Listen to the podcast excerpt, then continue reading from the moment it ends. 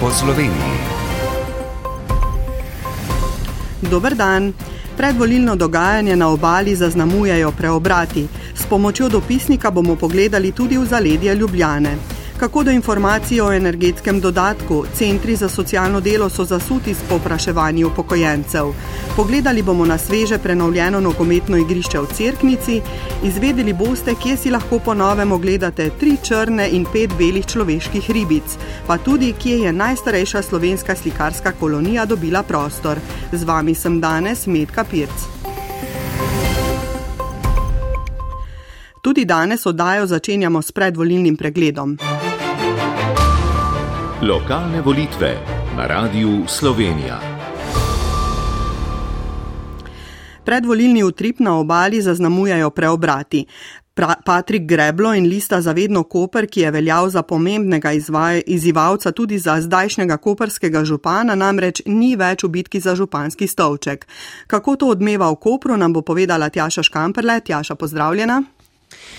Ja, lepo zdrav iz slovenske Istre. Ja, ta odločitev ustavnega sodišča včerajšnja nekega odmeva v Kopru eh, nima, namreč že odločitev volivne komisije in potem upravnega sodišča je nakazovala, da eh, Patrik Greblo izpada iz te bitke za župana mestne občine Koper, kjer se torej zdaj eh, poteguje za to mesto šest kandidatov. Napoveduje pa Greblo, da bodo kljub zavrnitvi ugotovitvi na ustavnem sodišču iskali odgovor na vprašanje, ali je pravica do črke pravilno izpeljanega postopka nad pravico biti voljen. Kaj pa izločitev pomeni za kampanjo, za predvolilni utrip v Kopru? Ja, stranka Zavedno Koper je bila v prvih dneh kampanje, ko torej še ni bila izločena, najbolj kritična do aktualnega župana. Seveda je eh, to in tak tudi nekdani župan Boris Popovič, k kateremu še pridem.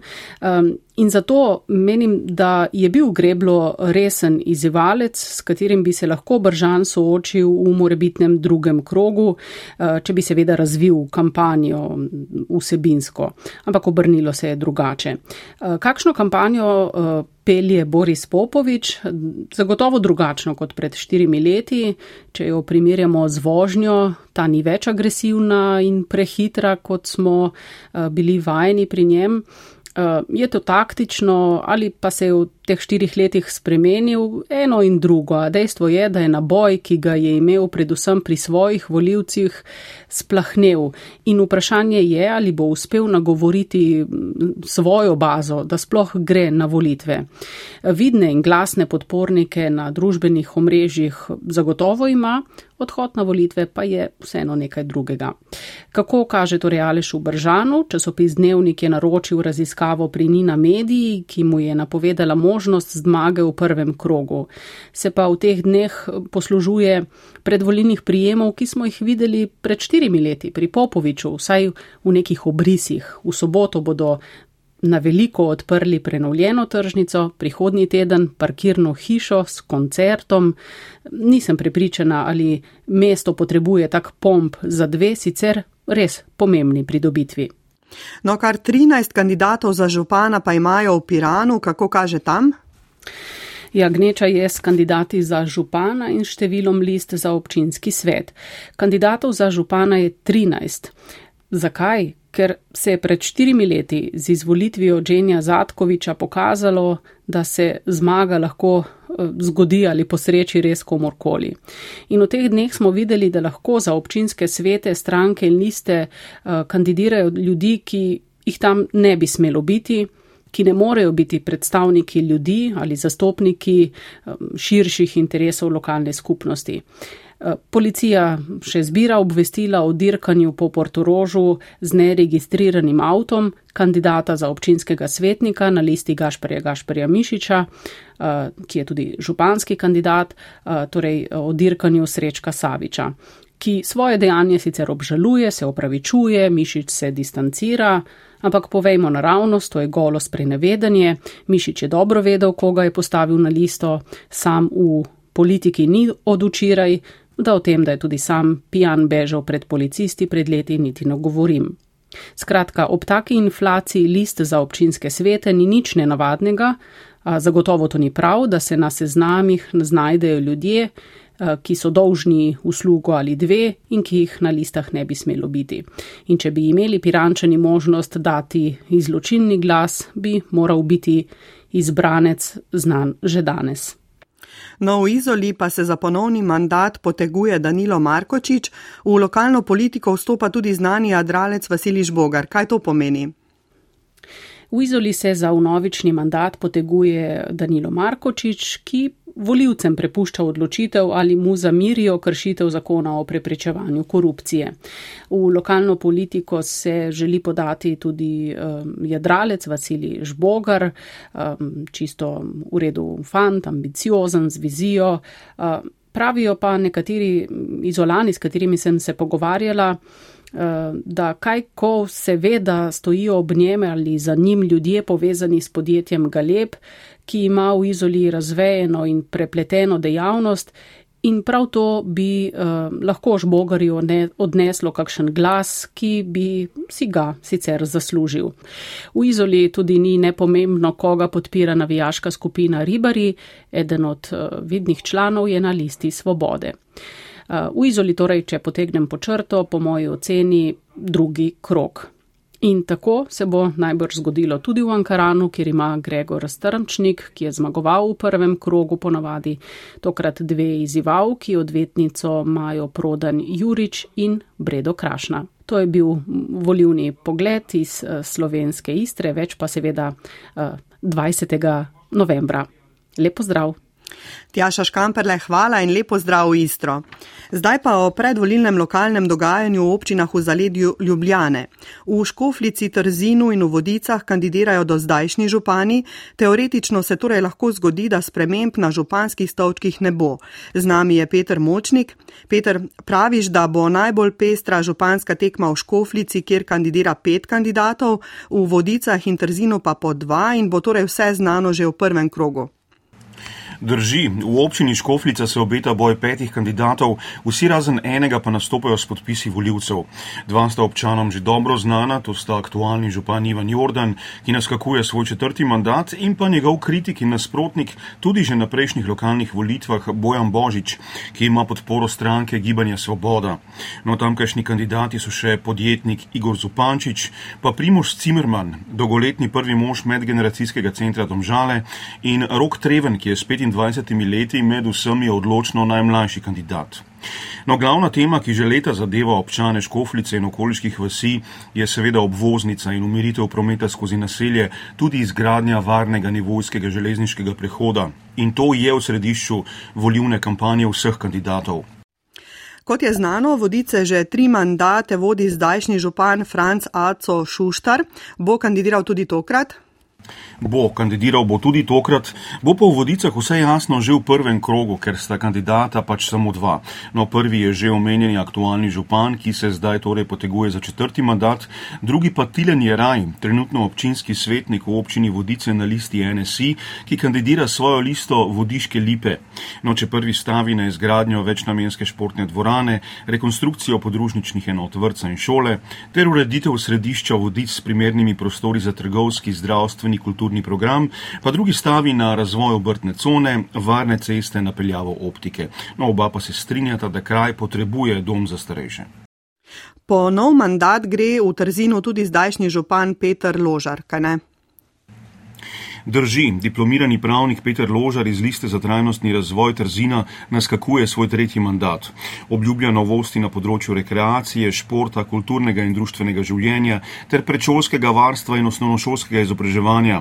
Njegov cilj je, da občina Trzin tudi v prihodnih štirih letih ostane ena redkih nezadolženih občin. No, njegov izzivalec pa je Sebastian Grmek, diplomirani inženir hortikulture, ki želi znižati komunalne stroške za občane, obnoviti oziroma posodobiti za zastarelo električno omrežje, zagotoviti dodatne kapacitete za nastanitev v domu starejših občanov ter zagotoviti dodaten kader osebnih zdravnikov za občane. Peter, hvala. Centri za socialno delo so zasuti s povpraševanjem upokojencev, ali so upravičeni do državnega energetskega dodatka. Mnogi so namreč prejeli dopis pristojnega ministerstva, naj to preverijo pri svojem CSD. Večini upravičencev je država energetski dodatek že nakazala, sledila bodo nakazila dohodkovno najšipkejšim kategorijam invalidov. Upokojenci z nizkimi pokojninami pa si morajo najprej urediti varstveni dodatek, če ga še nimajo in sicer do 28. februarja. Pri tem začasno ne velja omejitev pri dedovanju in se ne upošteva premoženje. V tem mesecu bodo upravičencem nakazani tudi draginski otroški dodatki. Podrobnosti v prispevku Vesne Martinec. Država je 2. novembra že nakazala energetski dodatek prejemnikom socialne pomoči in varstvenega dodatka. Naslednja izplačila bodo invalidom in sicer 10. in 25. novembra in 2. decembra. Vse do konca marca pa tistim, ki bodo varstveni dodatek ali socialno pomoč pridobili naknadno. Vkolikor samska oseba ali družina ni bila prejemnica denarne pomoči ali varstvenega dodatka zaradi lasništva premoženja, lahko v obdobju od 1. oktobra letos do 28. februarja poda na pristojni center vlogo za denarno socialno pomoč oziroma varstveni dodatek. Premoženje se namreč v tem obdobju ne upošteva, upoštevajo pa se prihranki nad določeno vrednostjo, pravi Mira Zebec iz Mariborskega CSD-ja. Posameznik lahko ima 2500 evrov prihrankov in se ne upošteva. Če gre za družino, lahko ima 3500. Vse, kar je nad to dovoljeno mejo, se potem upošteva enako vrednostni papiri. Ker so upokojenci s pokojnino nižji od 620 evrov prejeli dopis, naj pri svojem CSD-ju preverijo, ali so upravičeni do varstvenega in s tem energetskega dodatka, so centri zasuti sklici upokojencev, a ti najpogosteje ugotovijo, da je cenzus za par v skupnem gospodinstvu višji. Je recimo za dva cenzus 966, pa se zgodi, da ima vsak izmed njiju 500 evrov pokojnine in avtomatsko potem padata ven. Ugotavljajo, da je do varstvenega dodatka dejansko upravičen le odstotek upokojencev, ki so dobili obvestilo države. Seveda smo pa tudi našli en krok ljudi, ki pa je upravičen in to je tisti naš cilj, da pridemo do teh ljudi. Dodaja Mateja Jusrauter iz Mariborskega CSD-ja. V novembru bodo upravičenci dobili tudi prvo nakazilo draginskih otroških dodatkov, ki bo avtomatično in vlog ni potrebno oddajati. V okviru prireditev predavanj in delavnic, ki jih ob letošnjem mesecu preprečevanja zasvojenosti pripravljajo na Goriškem, odpirajo danes vrata za obiskovalce v skupnosti srečanje na Kostanjevici pri Novi Gorici, v kriznem centru za otroke in mladostnike Desetka in v dnevnem centru Žarek.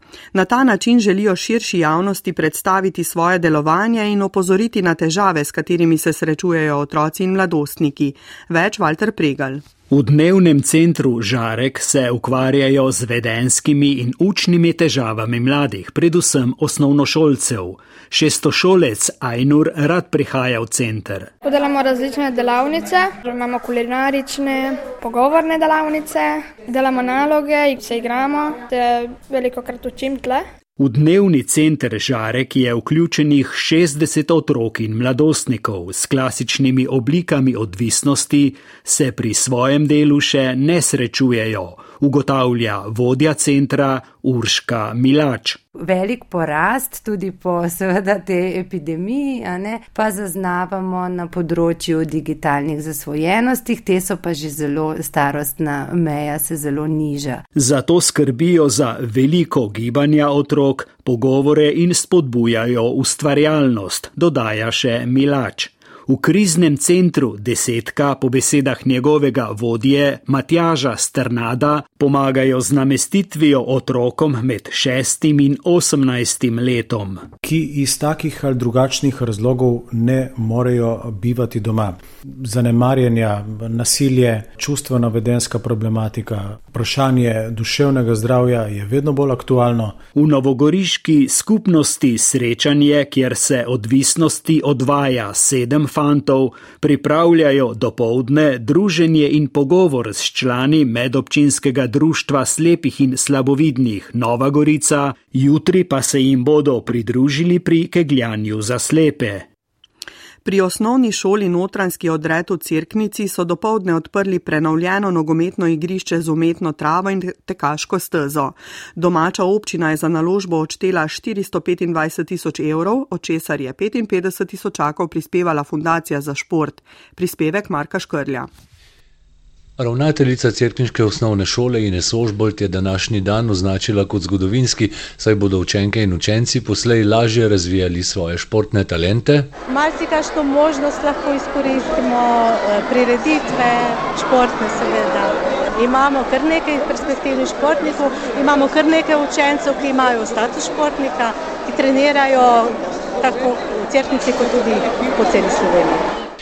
Po besedah profesora športa Boštjana Gorju pa je bilo doslej zelo težavno trenirati z bodočimi atleti in iskati talente, saj je bilo prejšnje igrišče neprimerno in celo nevarno. Ker je bilo zelo neravna površina atletska, tudi samo nogometne igrišče, da ne govorimo od skoka v dalino, je bilo zelo neprimerno. S tem bomo pa pridobivali, kot je že gospa ravnateljica rekla, ogromno. Ne.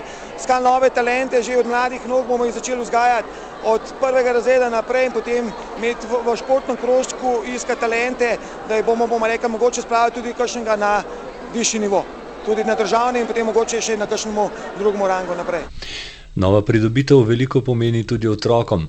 Nadarjeni nogometaš, šestošolec Isak Gazibara, ki je na odprtju prikazal nekaj svojih spretnosti z žogo, komaj čaka, da bodo igrišče začeli redno uporabljati. To je zelo dober objekt ne, za treninge.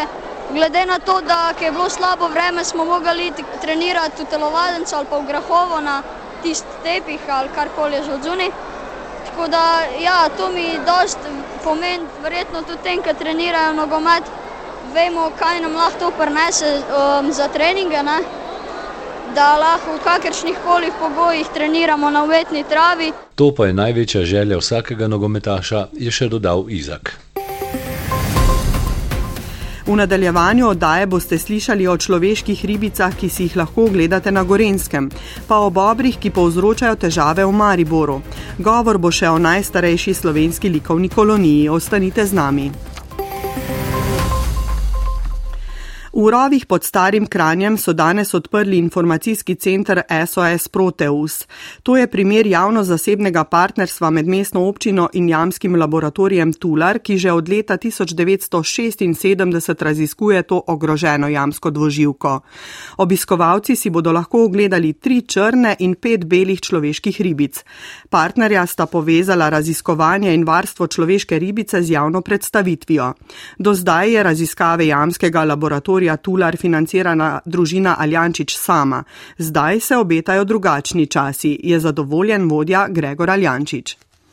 In ko bomo dobili nove sodelavce, raziskovalce, vodnike in tako naprej, bomo lahko začeli tudi uresničevati raziskave, ki so pa pomembne za varstvo človeške ribice in tako bo ta človeška ribica pravzaprav v tej živi zgodbi informacijskega centra SOS Proteus sama sebi, tako rekel, simbolično na rekovajih pomagala svojim vrstnicam eh, v naravi, ki je pa seveda pod velikim pritiskom eh, v nasnaževanje.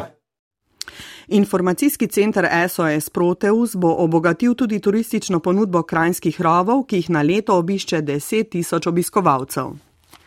V Mariboru pa težave povzroča Bober. Potem, ko si je nedavno privoščil vrbi na Mariborskem lentu, eno je poškodoval, drugo pa podrl, je občina sprejela prve zaščitne ukrepe. Bratko Zavrnik. Nekod skoraj izumrli bober, ki se je v Slovenijo vrnil konec 90-ih let prejšnjega stoletja, je v zadnjih letih glodal drevesa, predvsem ob nenaseljenih odsekih Dravske struge, kot je Mariborski otok. Pred kratkim pa se je glodavec, znan po postavljanju jezov, pretihotapil vse do mestnega središča. Predvsem pa mislim, da se je pojavil na lento zaradi tega, ker je se zmanjšalo zaradi gradbenih del količina prometa in da ima več miru, torej manje tudi nekih prehodov. Pojasnjuje arboristka Tanja Grmovšek, ki je Mariborski občini svetovala sprejetje zaščitnih ukrepov. Preventivni ukrep proti bobru je lahko nameščanje zaščiti z mreže okoli debel.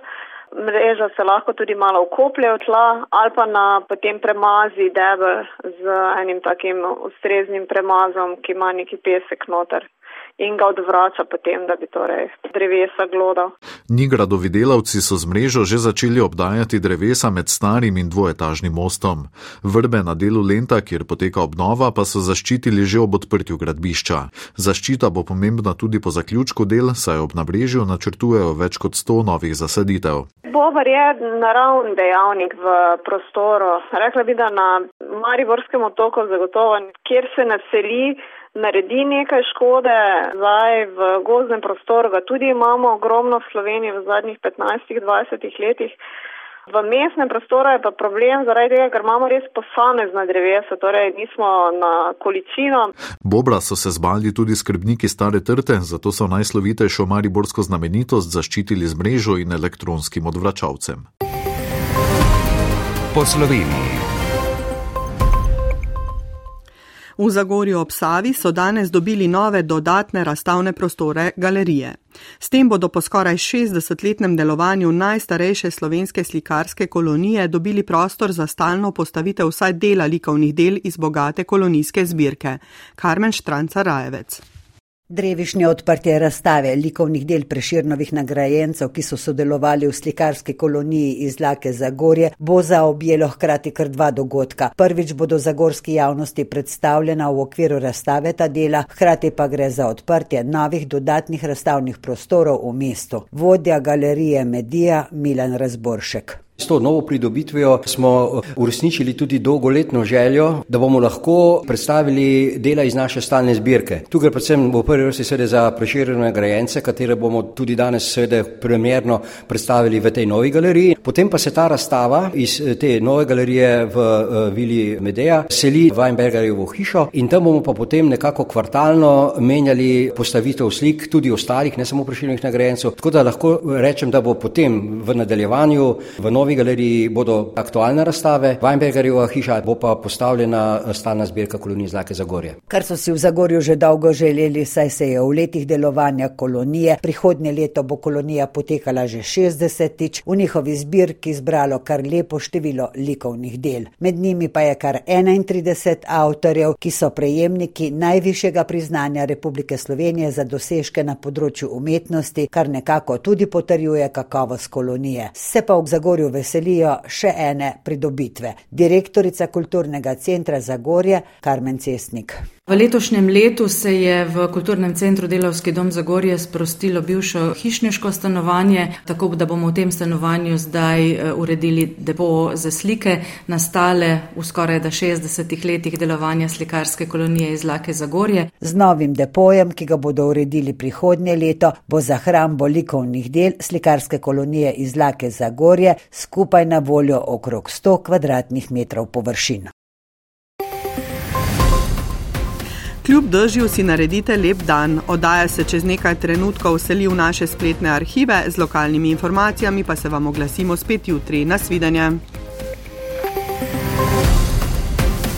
Poslušali ste oddajo po Sloveniji, urednica Nina Brus, voditeljica Metka Pirc, tonski mojster Jrnej Pogačnik.